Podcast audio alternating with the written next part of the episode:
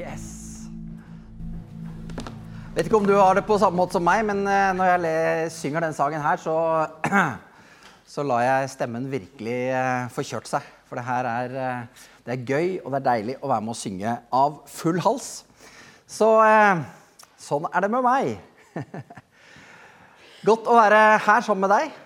Har lyst til å dele noe av det jeg har på mitt hjerte, med deg som er her. Noen få som sitter her sammen med oss. Og selvfølgelig deg som sitter og ser dette på TV-skjermen hjemme akkurat nå. Jeg er blitt 50. Det vil si at eh, Nå er det snart et år siden jeg ble det. da. Men eh, da merker man jo at man er blitt eh, utlært. Da har man kontroll på livet. Eh, livet går på skinner, og eh, ja, det meste er i grunnen veldig greit. Alt som er av bekymringer, det er historie. Nei, ikke helt. Eh, men eh, når man eh, blir voksen, da, så får man jo tross alt noe mer livserfaring. Man blir kanskje litt mer moden, litt mer stabil, og man vet litt hvordan man skal takle ulike utfordringer. Sånn har jeg det i hvert fall. Men stadig vekk så opplever jeg at jeg er litt hjelpeløs òg. Det, det er ikke hver gang alt liksom eh, fungerer helt. Så det jeg tenkte at jeg skulle snakke litt med deg om i dag, det er en uh, liten historie fra Bibelen. Hvor uh, jeg tror Jesus ønsker å vise noe av det øverste på sitt hjerte. Det øverste på hans liste over hvordan uh, han ser på oss. Han så, det han ville fortelle til folka som var rundt ham den dagen her. Og noe som skal snakke til oss i dag. Så jeg håper at enten du er da en troende i dag, eller ikke har tatt noe personlig forhold til tro, at det er noe som eh, kan snakke til deg akkurat der du er akkurat i dag. Skal vi bare be litt sammen? Jesus, jeg takker deg for at du er eh, til stede der hvor vi er til stede. Det er ingenting du er mer opptatt av, Jesus, enn oss. Du ønsker at vi skal eh, være tett på deg, og du har lovt at du vil alltid være tett på oss. Så Derfor så ber jeg deg for eh, denne stunden her, disse minuttene, at det skal få lov til å bli en eh, opplevelse sammen med deg, Jesus. Amen. Amen. Når noen blir kristne eller er nysgjerrige på, på Jesus, så pleier vi ofte å anbefale at man starter med å lese i Bibelen fra en bok som kalles Johannes evangeliet. Det er den fjerde boka i Det nye testamentet. Og Johannes han var en av de tolv disiplene til Jesus. Han eh, var blant de aller første som fikk utfordringene fra Jesus om å følge han. Og Johannes han gikk da altså sammen med Jesus, tett sammen med Jesus i de tre årene Jesus var i offentlig tjeneste. Han eh, flyttet etter hvert, når Jesus døde og etter hvert gikk til himmelen, så flyttet Johannes til eh, en by som het Efesos. Eh, det er på vestkysten av Tyrkia, så det var et stykke unna der hvor denne historien vi skal snakke om i dag, hendte. Men da, når eh, Johannes ble gammel, så valgte han å skrive ned det han hadde opplevd i, sammen med Jesus de årene. Og når Johannes skulle på en måte oppsummere det han hadde fortalt, så skriver han mot slutten av Johannes evangelium så skriver han i kapittel 20, og i de to siste versene her, 30 og 31, så skriver han at Jesus gjorde også mange andre ting for øynene på disiplene. Tegn som det ikke er skrevet om i denne boken. Men disse tegnene er skrevet ned for at dere skal tro og at Jesus er Messias, Guds sønn, og for at dere skal ved troen ha liv i hans navn. Så Johannes han var veldig tydelig han, på at alt det jeg nå har skrevet, som ligger liksom før det han skriver her, det er for at vi skal, som leser dette, se tydelige tegn på hvem Jesus er, og at det skal skape tro i vårt liv. Vi som har lest eh, litt Bibel, vi har vært innom alle lignelsene til Jesus. Han var fantastisk til å fortelle historier. Historier som eh, var relevante for de menneskene som hørte det, og faktisk er relevante for oss i dag. Kanskje de to mest kjente er eh, historien om den bortkomne sønn, og kanskje den også som er enda mer kjent, den eh, barmhjertige samaritan. To fantastiske historier som sier noe om hvem Gud er, og hvordan Gud ser på oss. Det er hverdagslige, gjenkjennelige hendelser eller lignelser. Men nå skal vi gå i dag snakke om noe som ikke er en lignelse, men som er en spesiell hendelse som skjer i Jesus sitt liv. I Bibelen så står det at det var det første tegnet Jesus gjorde i offentligheten. Veldig kjent historie, fordi det handler om at, skal, at Jesus gjør vann til vin. Veldig spesielt, så vi tenkte at det her må vi lese alle sammen. Så da leser vi alle de elleve første versene i eh, Johannes sin historie, som kalles Johannes sitt evangelie. Og da begynner vi fra vers 1 i kapittel 2. På den tredje dagen var det et bryllup i Kana i Galilea. Og Jesu mor var der. Også Jesus og disiplene hans var innbudt til bryllupet. Da vinen tok slutt, sa Jesu mor til han, 'De har ikke mer vin.' Jesus sa til henne, 'Kvinne, hva har du med mitt å gjøre? Min time er ennå ikke kommet.' Hans mor sa til tjenerne, 'Uansett hva han ber dere om, skal dere gjøre.' Nå fantes det seks vannkar av stein der, i samsvar med jødenes renselsesskikk. De kunne ta mellom to og tre anker hver. Jesus sa til dem, 'Fyll vannkarene med vann.' Og de fylte dem til randen. Så sa han til dem, 'Øs nå opp og bær dem til hovmesteren.' Og de bar dem, til, eh, bar dem dit.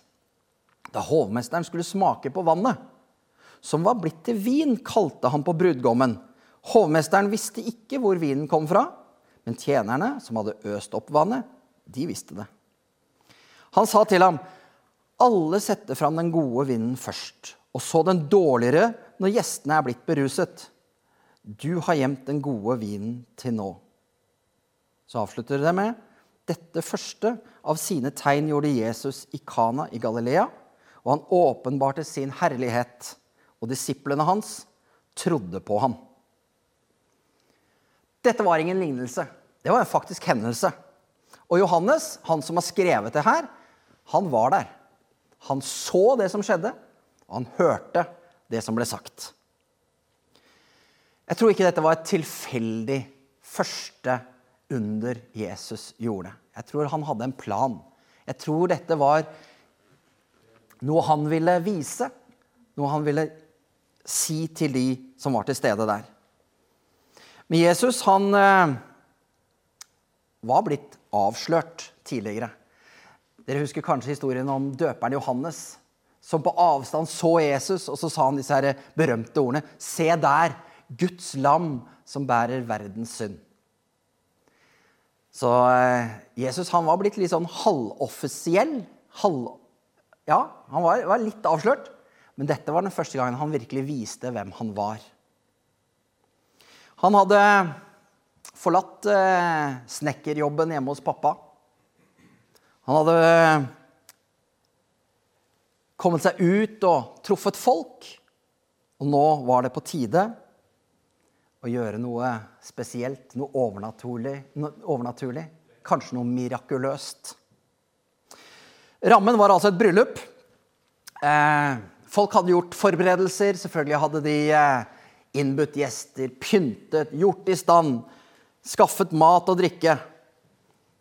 Og Maria, moren til Jesus, var der. Jesus var der, og disiplene var der. De var alle invitert. Vi vet ikke hvorfor. Men eh, vi vet kanskje noe om sånn type Midtøsten-bryllup, og særlig på den tiden. Da var liksom hele byen til stede. Og eh, de var sikkert invitert som en del av de andre. Eller kanskje de bare var rett og slett venner av familien. I alle fall så var de der. Vi vet også at de der bryllupene kunne jo vare i dagevis. Kanskje en uke til sammen. Så her trengtes det mye forberedelser til mat og drikke og forskjellig. Man burde ha kontroll på serveringen. Men eh, dessverre, her gikk vinen slutt. Ganske pinlig, vil jeg tro. Eh, sannsynligvis også noe som, eh, som eh, ble kjent utover at eh, oi sann, nå er det trøbbel i dette bryllupet. For det står da at eh, vinen tok slutt. Men Maria hun var jo en dame som fulgte med, så hun fikk høre at det var slutt.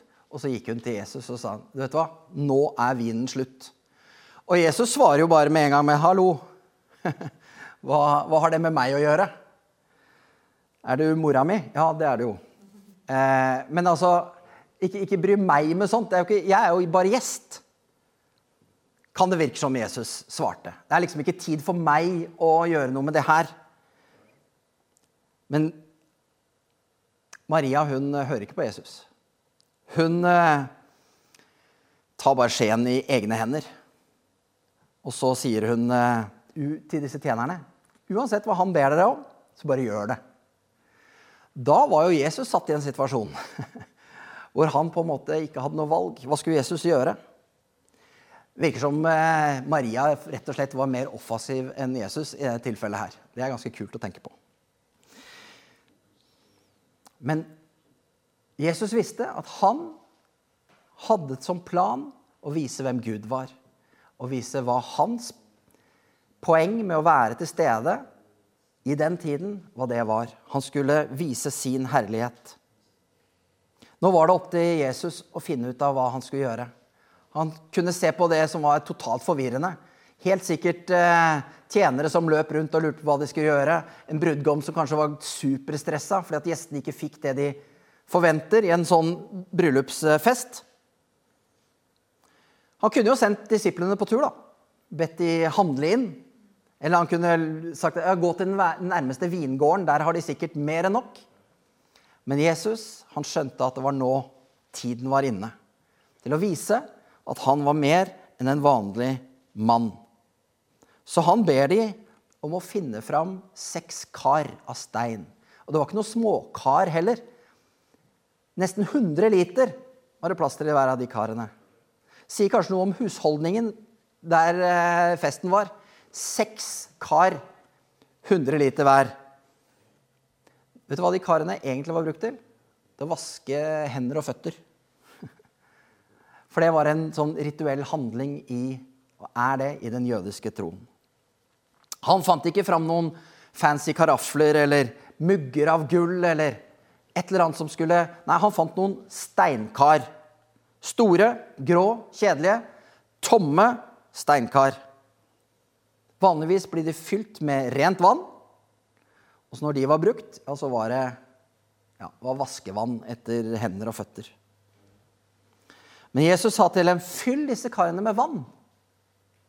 Og så gjorde de det. De fylte dem helt til randen. Og så etterpå så sa han da, 'Øs opp og bær det til hovmesteren.' Han som skal sjekke kvaliteten. Gjør det. Tjenerne var jo lydige. Og det står jo ikke så mye om at de eh, tenkte eller vurderte, men eh, var de vanlige mennesker, sånn som deg og meg, så er jeg helt sikker på at de nølte. I all verden. Jesus sa jo ikke at Se nå, dere, nå skal jeg gjøre vann til vin. Han sa ikke det. Han bare sa fyll opp vann, og så skal dere gå til hovmesteren med det her. Jeg hadde i hvert fall kvia meg for å gjøre akkurat det. Det som da skjedde, det var at hovmesteren fikk smake og hans reaksjon på det han smakte, var å gå til brudgommen og si alle setter fram den gode vinen først. Og når folk er blitt beruset, ja, da tar de fram restene av det som ikke er så bra. Mens du, brudgom, du har jo spart det aller beste til slutt. Fantastisk hvordan en situasjon som var en krise, ble snudd til noe spennende. Krisen var over. Vannet hadde vært verdiløst i den sammenhengen der. Men det de trengte, vin til mat og til fest, det var plutselig på plass. Så det som var etterlengtet, det som eh, var verdifullt, det kom ut av det som var så ut til å være helt verdiløst i utgangspunktet. Vaskevann ble til byens beste vin. Det er en bra historie. Nå er festen på skinner. Men det var veldig få som visste hva som hadde skjedd. Det er jo ingen tvil om at det her var et tegn, et under, et mirakel. Noe som var helt overnaturlig, som skjedde i det, den bryllupsfesten her. Og eh, det er liksom enkelt å se, og særlig når jeg forteller det sånn som jeg gjør det nå, så, så, så er det ikke så vanskelig å se de tingene. Det ble offentlig hvem Jesus var, hva han kunne gjøre, hva han hadde på hjertet. Men jeg tenker for oss så er det mange små tegn. Hvis vi skal ta Johannes på ordet, at det var mange tegn som Jesus ville fram til. Og noen av de tegnene ser vi gjennom denne historien også. Maria hun valgte å involvere Jesus. Maria kunne gjort som eh, kanskje de fleste damer hadde gjort. De hadde løpt til en eller annen som hadde kunnet fikse, en som var ansvarlig, og ikke til sønnen sin, som bare var en av de inviterte. Men hun visste noe mer. Hun visste at går jeg til Jesus, så er det hjelp å få. Vi ser ofte etter naturlige, enkle løsninger som vi selv kan fikse. Her viser man hvordan det å gå til Jesus det gjør en helt annen type forskjell. Så Marias involvering av Jesus, det var det som gjorde dette fra en hverdagskrise til et hverdagsunder. Tjenerne de var lydige. De gjorde det som Maria oppfordret dem til, og som Jesus sa. Gå og gjør det han sier. Vi setter veldig ofte krav. Jeg har lett for å gjøre det. Til Jesus. Jeg hørte der Gud, hvis du bare finnes, så skal jeg. Gi meg et tegn på at, er, at du er til. Ja, så Vi setter krav. Eller eh, Gud, jeg trenger deg her, jeg trenger deg nå, jeg trenger deg på denne måten. Det er litt typisk oss. Mens eh, løsningen er ofte veldig mye nærmere enn det. Vi har fått eh, denne Bibelen. Den er full av løsninger. Det er her Jesus, Gud, viser hvem han er til oss. Og Vi har fått mulighet for å snakke med Jesus. Vi kaller det bønn, men det er jo å snakke med Jesus. Han kan snakke tilbake til oss. Kjempemulighet. Og så var det disse her steinkarene. Det er jo ikke det kuleste og fineste. Det er jo ikke vi heller. Vi er jo eh, ikke alltid snille, ikke alltid gode, ikke alltid flotte. Men Gud ser etter sånne som deg og meg. Det er ikke sikkert at vi fikser livet alltid. Det er ikke, det er ikke fasaden det går på. Det er det vi kan brukes til. Og når vi, som ikke er perfekte, brukes, så er det så tydelig at det er Gud som bruker oss. Og det er noe av det Gud ønsker, tror jeg, å si gjennom denne historien her også. Han kan bruke oss. Og så brukte han noen kar som var altså gedigne svære. De 600 literne med vin, de holdt nok en stund. Det var mer enn nok. Og det er noe av det jeg har lyst til å bare si til deg. Det er mer enn nok. Jesus han er en type som vil gi oss mer enn nok. Vi har lett for å tenke at ja, jeg trenger bare gjennom denne krisa eller gjennom akkurat det jeg står i nå. Men han har så mye mer for oss. Han har mer enn nok til alle og for alltid. Og så Det siste av de tingene jeg har lyst til å ta fram der, det står at eh, det var bare Jesus Maria, disiplene og tjenerne som visste at det her var en, noe som gikk fra vann til vin. Og så har jo vi fått vite det nå, da. Og alle som har lest historien, hørt historien, vet at det var det som skjedde. Men akkurat der og da så var det bare noen få, en håndfull av alle de menneskene som var der, som faktisk visste at det hadde skjedd et under. Sånn tror jeg det er i livet mitt også. Og det er sikkert sånn i ditt liv òg. Jeg kan av og til tenke at Gud, hvorfor skjer det ikke mer? Hvorfor, eh, hvorfor er du ikke til stede i alle mine Alt det jeg holder på med? Han sier i Bibelen at det er det han er. Alle dager, sier han. Jeg tror vi bare ikke oppdager det. Vi får det bare ikke med oss. Men uten han i livet så er jeg helt sikker på vi hadde kjent på det store savnet, den store forskjellen.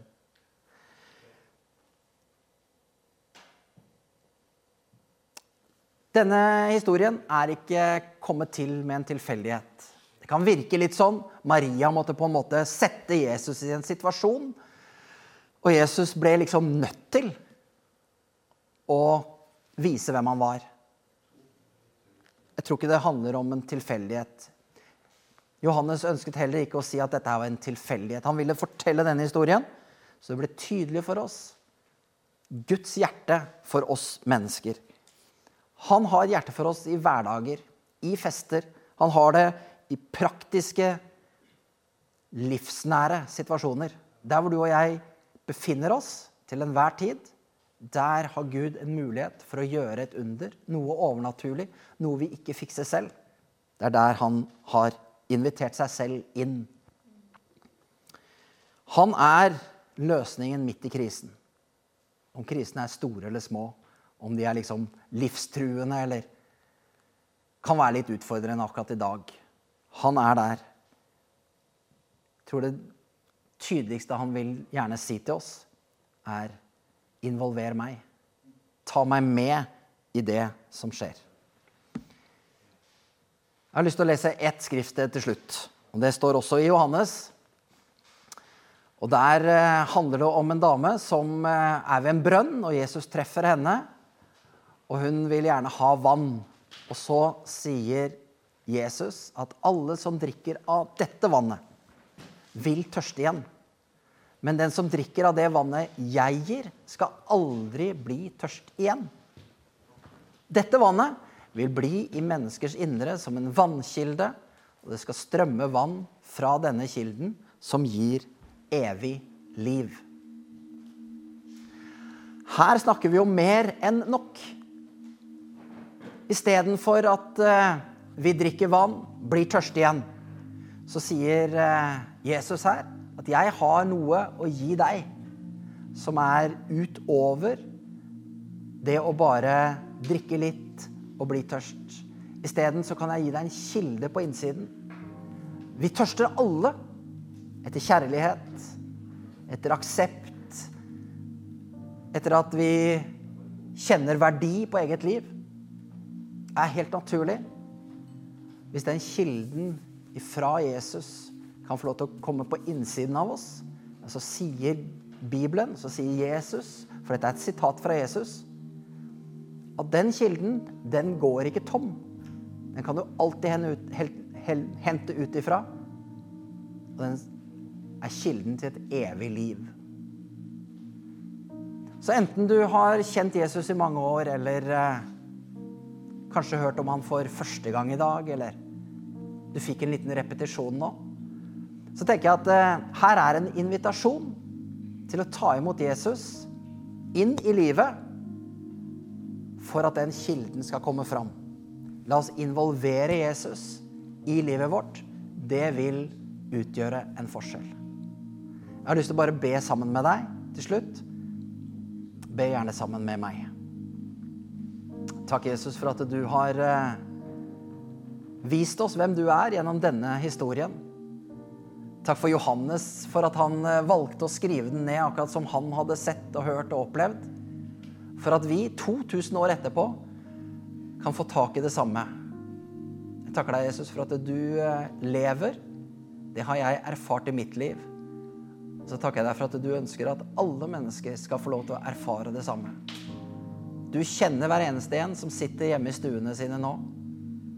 Eller om han er ute på reise eller hører dette i en bil, eller hvor det skulle være, Jesus, så er du der ved din ånd.